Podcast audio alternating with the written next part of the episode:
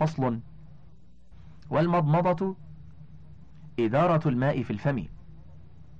والاستنشاق اجتذاب الماء بالنفس إلى باطن الأنف. والاستنثار إخراج الماء من أنفه. ولكن يعبر بالاستنثار عن الاستنشاق لكونه من لوازمه. ولا يجب إدارة الماء في جميع الفم. ولا إيصال الماء إلى جميع باطن الأنف. وإنما ذلك مبالغة مستحبة في حق غير الصائم وقد ذكرناه في سنن الطهارة. وإذا أدار الماء في فيه فهو مخير بين مجه وبلعه لأن المقصود قد حصل به. فإن جعله في فيه ينوي رفع الحدث الأصغر ثم ذكر أنه جنب فنوى رفع الحدثين ارتفعا جميعا. لأن الماء لا يثبت له حكم الاستعمال إلا بعد الانفصال. ولو كان الماء قد لبث في فيه حتى تحلل من ريقه ماء يغيره لم يمنع لأن التغيير في محل الإزالة لا يمنع أشبه ما لو تغير الماء على عضو بعجين عليه. فصل. ويستحب أن يتمضمض ويستنشق بيمناه ثم يستنثر بيسراه لما روي عن عثمان رضي الله عنه أنه توضأ فدعا بماء فغسل يديه ثلاثة ثم غرف بيمينه ثم رفعها إلى فيه فمضمض واستنشق بكف واحدة واستنثر بيسراه فعل ذلك ثلاثة ثم ذكر سائر الوضوء ثم قال إن النبي صلى الله عليه وسلم توضأ لنا كما توضأت لكم فمن كان سائلا عن وضوء رسول الله صلى الله عليه وسلم فهذا وضوءه رواه سعيد بن منصور بإسناده. وعن علي رضي الله عنه أنه أدخل يده اليمنى في الإناء فملأ كفه فتمضمض واستنشق ونثر بيده اليسرى فعل ذلك ثلاثة ثم قال هذا وضوء نبي الله صلى الله عليه وسلم رواه أبو بكر في الشافي والنسائي. ويستحب أن يتمضمض ويستنشق من كف واحدة يجمع بينهما. قال الأثرم سمعت أبا عبد الله يسأل أيما أعجب إليك؟ المضمضة والاستنشاق بغرفة واحدة أو كل على كل واحدة منها على حدة. قال بغرفة واحدة. وذلك لما ذكرنا من حديث عثمان وعلي رضي الله عنهما. وفي حديث عبد الله بن زيد أن رسول الله صلى الله عليه وسلم أدخل يديه في التنور فتمضمض واستنثر ثلاث مرات يتمضمض ويستنثر من غرفة واحدة. رواه سعيد. وفي لفظ تمضمض واستنثر ثلاثا ثلاثا من غرفة واحدة. رواه البخاري. وفي لفظ فتمضمض واستنشق من كف واحدة فعل ذلك ثلاثة. متفق عليه. وفي لفظ أنه مضمض واستنشق. واستنثر ثلاثا بثلاث غرفات. متفق عليه. وفي لفظ فمضمض ثلاثا واستنشق ثلاثا من كف واحدة. رواه الأثرم وابن ماجه. فإن شاء المتوضئ تمضمض واستنشق من ثلاث غرفات وإن شاء فعل ذلك ثلاثا بغرفة واحدة.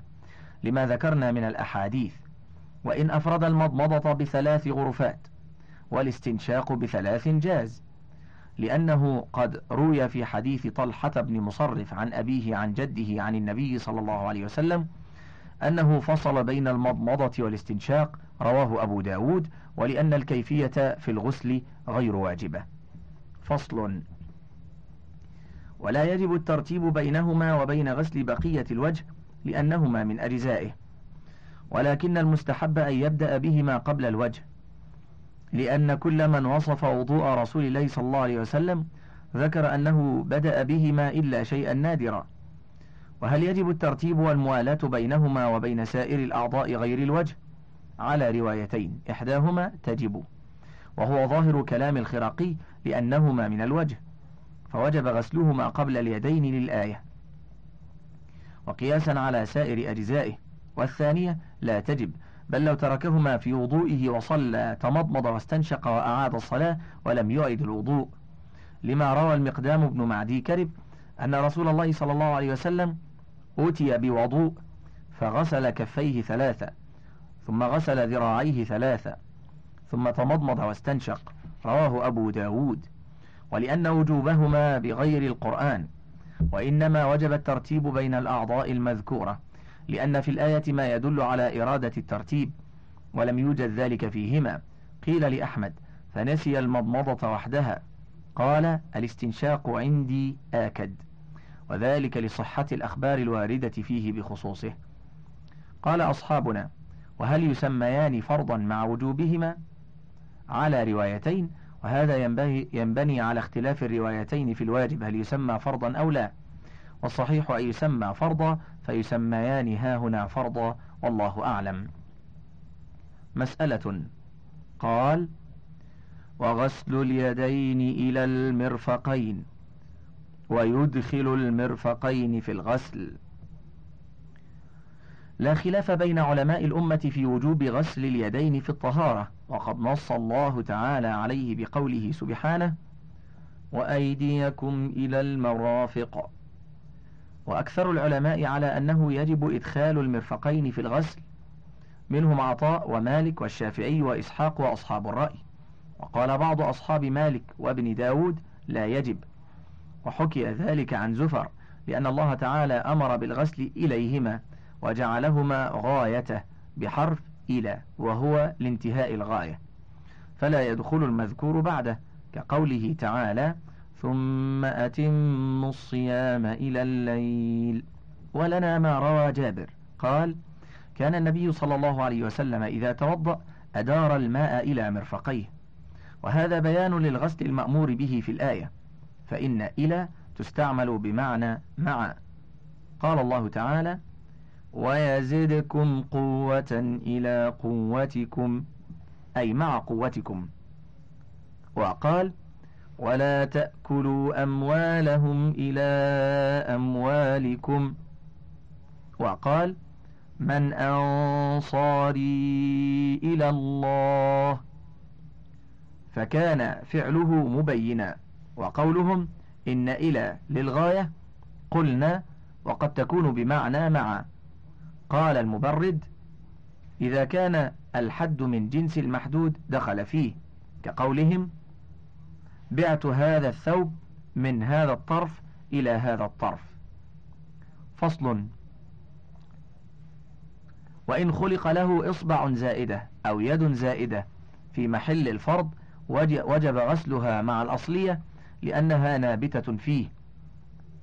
أشبهت الثؤلول وإن كانت نابتة في غير محل الفرض كالعضد أو المنكب لم يجب غسلها. سواء كانت قصيرة أو طويلة. لأنها في غير محل الفرض فأشبهت شعر الرأس إذا نزل عن الوجه. وهذا قول ابن حامد وابن عقيل. وقال القاضي إن كان بعضها يحاذي محل الفرض غسل ما يحاذيه منها والأول أصح. واختلف أصحاب الرأي في ذلك كنحو مما ذكرنا.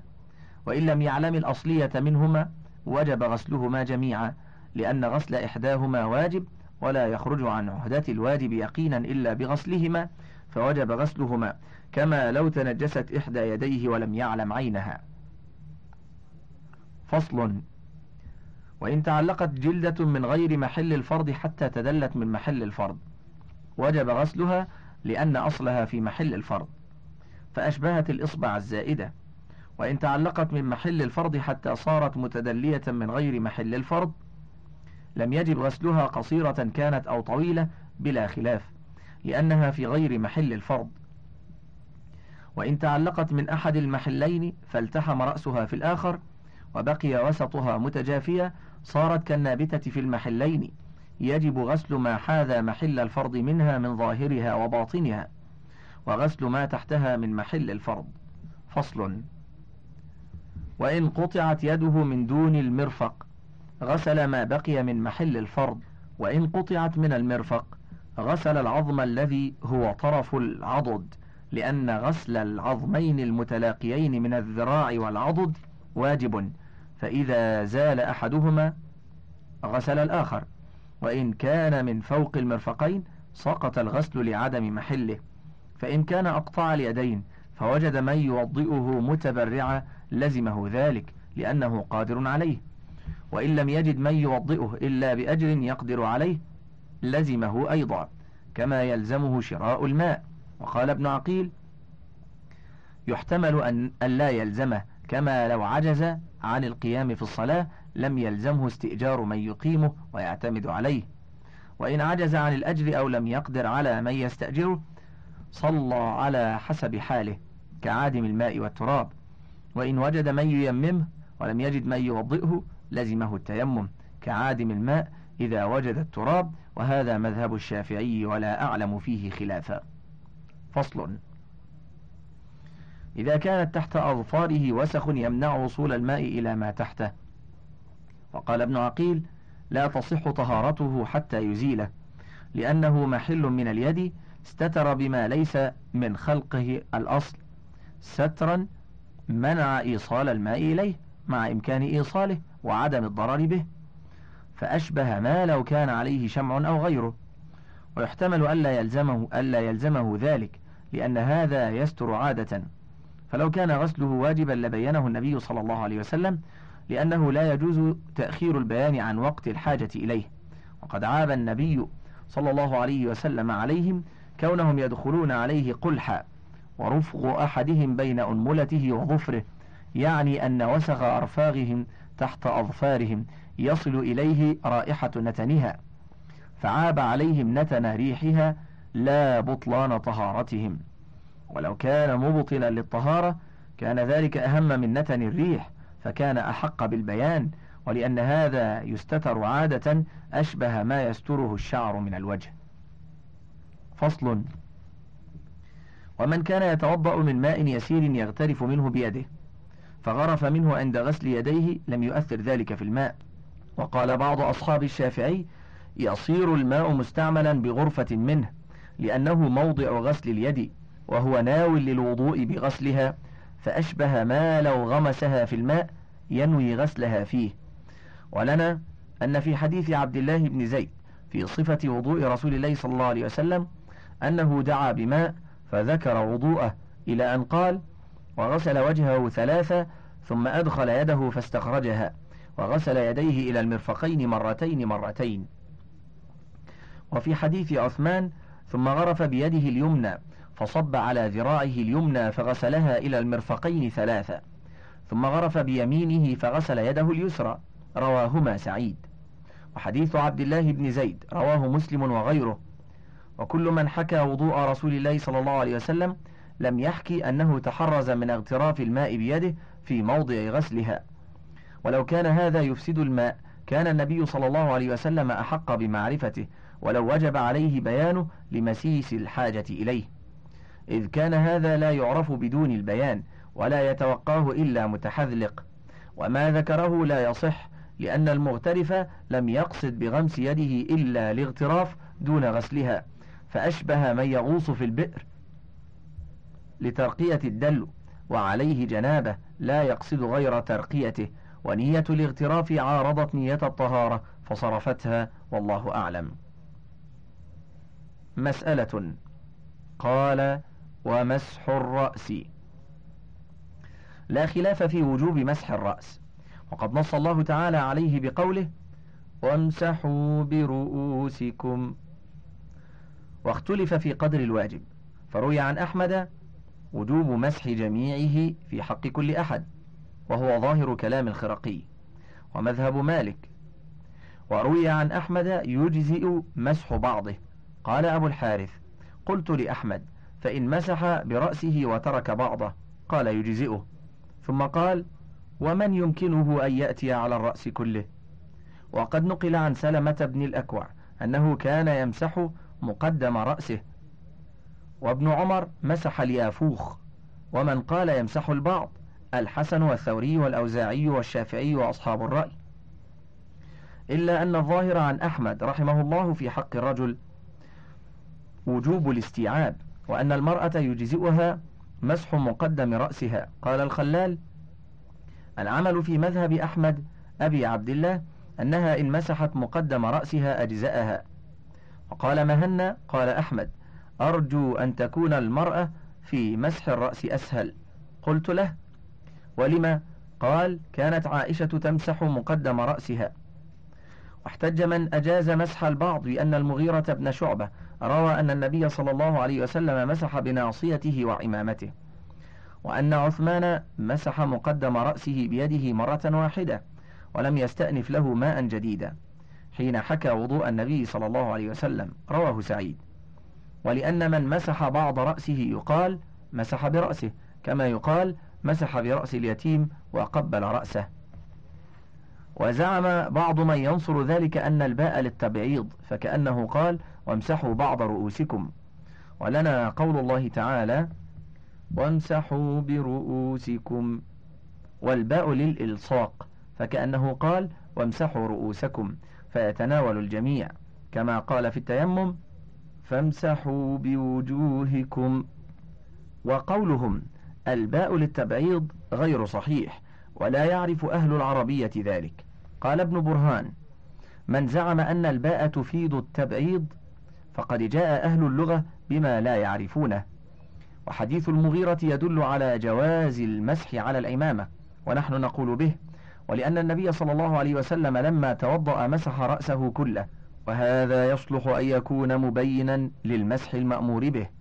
وما ذكروه من اللفظ مجاز لا يعدل إليه عن الحقيقة إلا بدليل. فصل وإذا قلنا بجواز مسح البعض فمن أي موضع مسح أجزأه لأن الجميع رأس إلا أنه لا يجزئ مسح الأذنين عن الرأس. لأنهما تبع فلا يجتزأ بهما عن الأصل. والظاهر عن أبي عبد الله أنه لا يجب مسحهما وإن وجب الاستيعاب لأن الرأس عند إطلاق لفظه إنما يتناول ما عليه الشعر. واختلف أصحابنا في قدر البعض المجزئ. فقال القاضي قدر الناصية. لحديث المغيرة أن النبي صلى الله عليه وسلم مسح ناصيته. وحكى أبو الخطاب وبعض الشا... أصحاب الشافعي عن أحمد أنه لا يجزئ إلا مسح أكثره لأن الأكثر ينطلق عليه اسم الشيء الكامل. وقال أبو حنيفة يجزئ مسح ربعه وقال الشافعي يجزئ مسح ما يقع عليه الاسم وأقله ثلاث شعرات. وحكي عنه لو مسح ثلاث شعرات حكي عنه لو مسح شعره أجزأه لوقوع الاسم عليها. ووجه ما قاله القاضي أن فعل النبي صلى الله عليه وسلم يصلح بيانا لما أمر به فيحمل عليه. فصل. والمستحب في مسح الرأس أن يبل يديه ثم يضع طرف إحدى سبابتيه على طرف الأخرى ويضعهما على مقدم رأسه ويضع الإبهامين على الصدغين ثم يمر يديه إلى قفاه ثم يردهما إلى الموضع الذي بدأ منه. كما روى عبد الله بن زيد في وصف رسول الله صلى الله عليه وسلم قال فمسح رأسه بيديه فأقبل بهما وأدبر بدأ بمقدم رأسه حتى ذهب حتى ذهب بهما إلى قفاه. ثم ردهما إلى المكان الذي منه بدأ. متفق عليه. وكذلك وصف المقدام بن معدي كرب رواه أبو داود. فإن كان ذا شعر يخاف أن ينتفش برد يديه لم يردهما. نص عليه أحمد.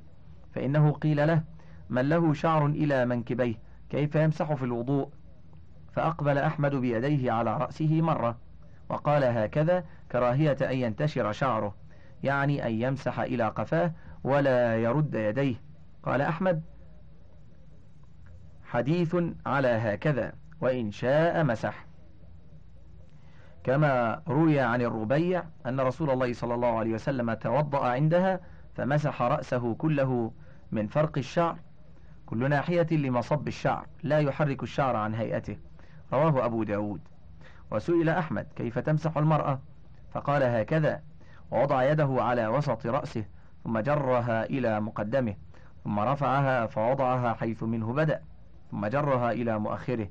وكيف مسح بعد استيعاب قدر الواجب أجزاءه. فصل. ولا يسن تكرار مسح الرأس في الصحيح من المذهب وهو قول أبي حنيفة ومالك. وروي ذلك عن ابن عمر وابنه سالم والنخعي ومجاهد وطلحة بن المصرف والحكم. قال الترمذي والعمل عليه عند أكثر أهل العلم من أصحاب رسول الله صلى الله عليه وسلم ومن بعدهم. وعن أحمد أنه يسن تكراره. ويحتمله كلام الخرقي لقوله الثلاث أفضل وهو مذهب الشافعي. وروي عن أنس قال ابن عبد البر كلهم يقول مسح الرأس مسحة واحدة وقال الشافعي يمسح برأسه ثلاثة لأن أبا داود روى عن شقيق بن سلمة قال رأيت عثمان بن عفان غسل ذراعيه ثلاثة ومسح برأسه ثلاثة ثم قال رأيت رسول الله صلى الله عليه وسلم فعل مثل هذا وروي مثل ذلك عن غير واحد من أصحاب رسول الله صلى الله عليه وسلم. وروى عثمان وعلي وابن عمر وأبو هريرة وعبد الله بن أبي أوفى وأبو مالك والربيع وأبي بن كعب أن رسول الله صلى الله عليه وسلم توضأ ثلاثا ثلاثا. وفي حديث أبي قال هذا وضوئي ووضوء المرسلين قبلي رواه ابن ماجه ولأن الرأس أصل في الطهارة فسن تكرارها فيه كالوجه. ولنا أن عبد الله بن زيد وصف وضوء رسول الله صلى الله عليه وسلم قال ومسح برأسه مرة واحدة متفق عليه. وروي عن علي رضي الله عنه أنه توضأ ومسح برأسه مرة واحدة وقال هذا وضوء النبي صلى الله عليه وسلم. من أحب أن ينظر إلى طهور رسول الله صلى الله عليه وسلم فلينظر إلى هذا. قال الترمذي هذا حديث حسن صحيح. وكذلك وصف عبد الله بن أبي أوفى وابن عباس وسلمة بن الأكوع والربيع كلهم قالوا ومسح برأسه مرة واحدة.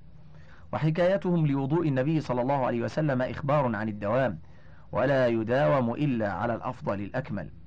حديث ابن عباس وحديث ابن عباس حكاية وضوء رسول الله صلى الله عليه وسلم في الليل حال خلوته ولا يفعل في تلك الحال إلا الأفضل ولأنه مسح في طهارة. فلم يسن تكراره كالمسح في التيمم والمسح على الجبيرة وسائر المسح. ولم يصح من أحاديثهم شيء صريح. قال أبو داود أحاديث عثمان الصحاح كلها تدل على أن مسح الرأس مرة فإنهم ذكروا الوضوء ثلاثا ثلاثا وقالوا فيها ومسح برأسه ولم يذكروا عددا. كما ذكروا في غيره والحديث الذي ذكر فيه مسح رأسه ثلاثة رواه يحيى بن آدم وخالفه وكيع. فقال توضأ ثلاثا فقط. فقال توضأ ثلاثا فقط والصحيح عن عثمان أنه توضأ ثلاثة ومسح رأسه ولم يذكر عددا.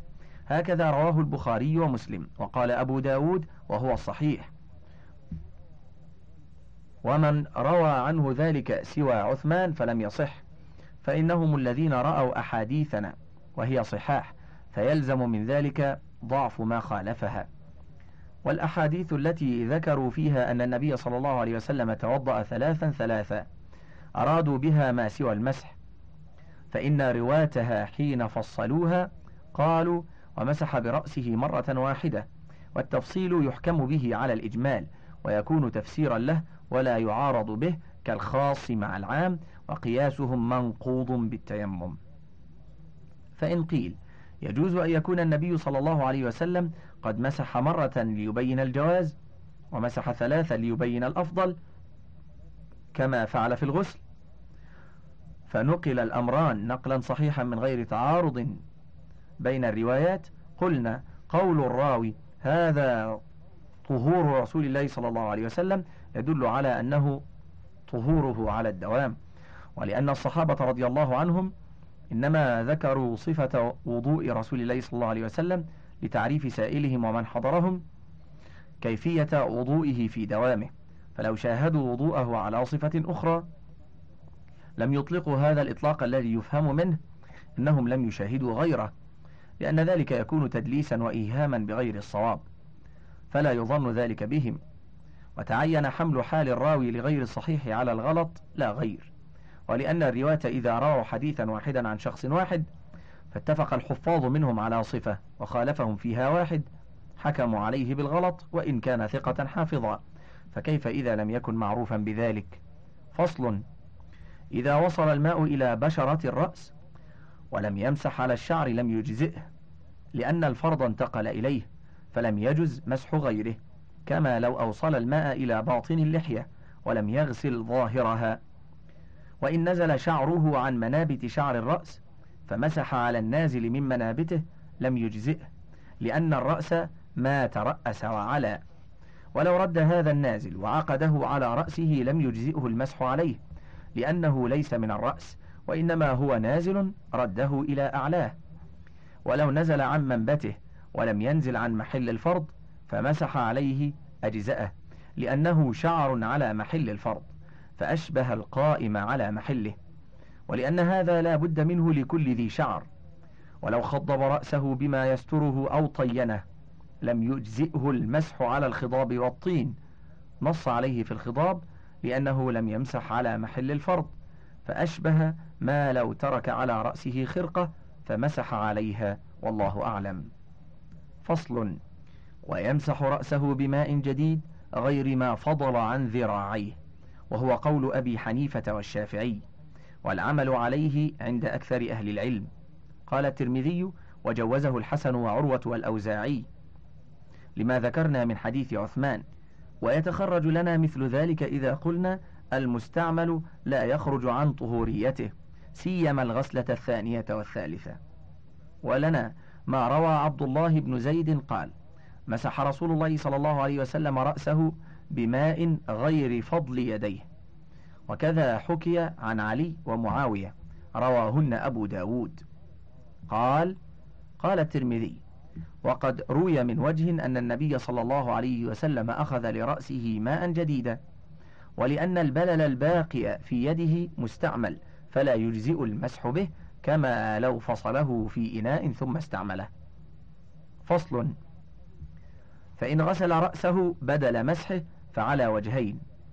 أحدهما لا يجزئه لأن الله تعالى أمر بالمسح والنبي صلى الله عليه وسلم مسح وأمر بالمسح ولأنه أحد نوعي الطهارة فلم يجزئ عن النوع الآخر كالمسح عن الغسل والثاني يجزئ لأنه لو كان جنبا فانغمس في ماء ينوي الطهارتين أجزأه مع عدم المسح. فكذلك إذا كان الحدث الأصغر منفردا ولأن في صفة غسل النبي صلى الله عليه وسلم أنه غسل وجهه ويديه ثم أفرغ على رأسه ولم يذكر مسحا ولأن الغسل أبلغ من المسح فإذا أتى به ينبغي أن يجزئه كما لو اغتسل ينوي به الوضوء وهذا فيما إذا لم يمر يده على رأسه فأما إن أمر يده على رأسه مع الغسل أو بعده أجزأه لأنه قد أتى بالمسح. وقد روي عن معاوية أنه توضأ للناس كما رأى النبي صلى الله عليه وسلم توضأ. فلما بلغ رأسه غرف غرفة من ماء فتلقاها بشماله حتى وضعها على وسط رأسه حتى قطر الماء أو كاد يقطر. ثم مسح من مقدمه إلى مؤخره ومن مؤخره إلى مقدمه. رواه أبو داود.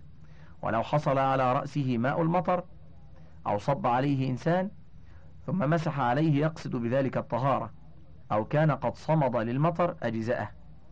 وإن حصل الماء على رأسه من غير قصد أجزأه أيضا لأن حصول الماء على رأسه بغير قصد لم يؤثر في الماء. فمتى وضع يده على ذلك البلل ومسح به فقد مسح بماء غير مستعمل فصحت طهارته كما لو حصل بقصده فإن لم يمسح بيده. وقلنا إن الغسل يقوم مقام المسح نظرنا. فإن قصد حصول الماء على رأسه أجزأه إذا جرى الماء عليه وإلا لم يجزه وإن قلنا لا يجزئ الغسل عن المسح لم يجزه بحال. هامش أجزاء يجزئ مهموز ويجوز تسهيله بأن يقال أجزاء يجزي وهو معهود من الفقهاء ولا ندري هل الأصل هنا. هل الأصل هنا التزام أحد الوجهين والاختلاف من الناسخ أم لا؟ انتهى الهامش. فصل. وإن مسح رأسه بخرقة مبلولة أو خشبة أجزأه في أحد الوجهين لأن الله تعالى أمر بالمسح وقد فعله فأجزأه. كما لو مسح بيده أو بيد غيره. ولأن مسحه بيده غير مشترط بدليل ما لو مسحه بيد غيره. والثاني لا يجزئه لأن النبي صلى الله عليه وسلم مسح بيده. وإن وضع على رأسه خرقة مبلولة فابتل بها رأسه أو وضع خرقة ثم بلها حتى ابتل شعره لم يجزئه لأن ذلك ليس بمسح ولا غسل ويحتمل أن يجزئه لأنه بل شعره قاصدا للوضوء فأجزأه كما لو غسله. وإن مسح بإصبع أو إصبعين أجزأه إذا مسح بهما. ما يجب مسحه كله, كله. ونقل محمد بن الحكم عن أحمد أنه لا يجزئه. قال القاضي هذا محمول على وجوب الاستيعاب فإنه لا يمكنه استيعاب الرأس بإصبعه.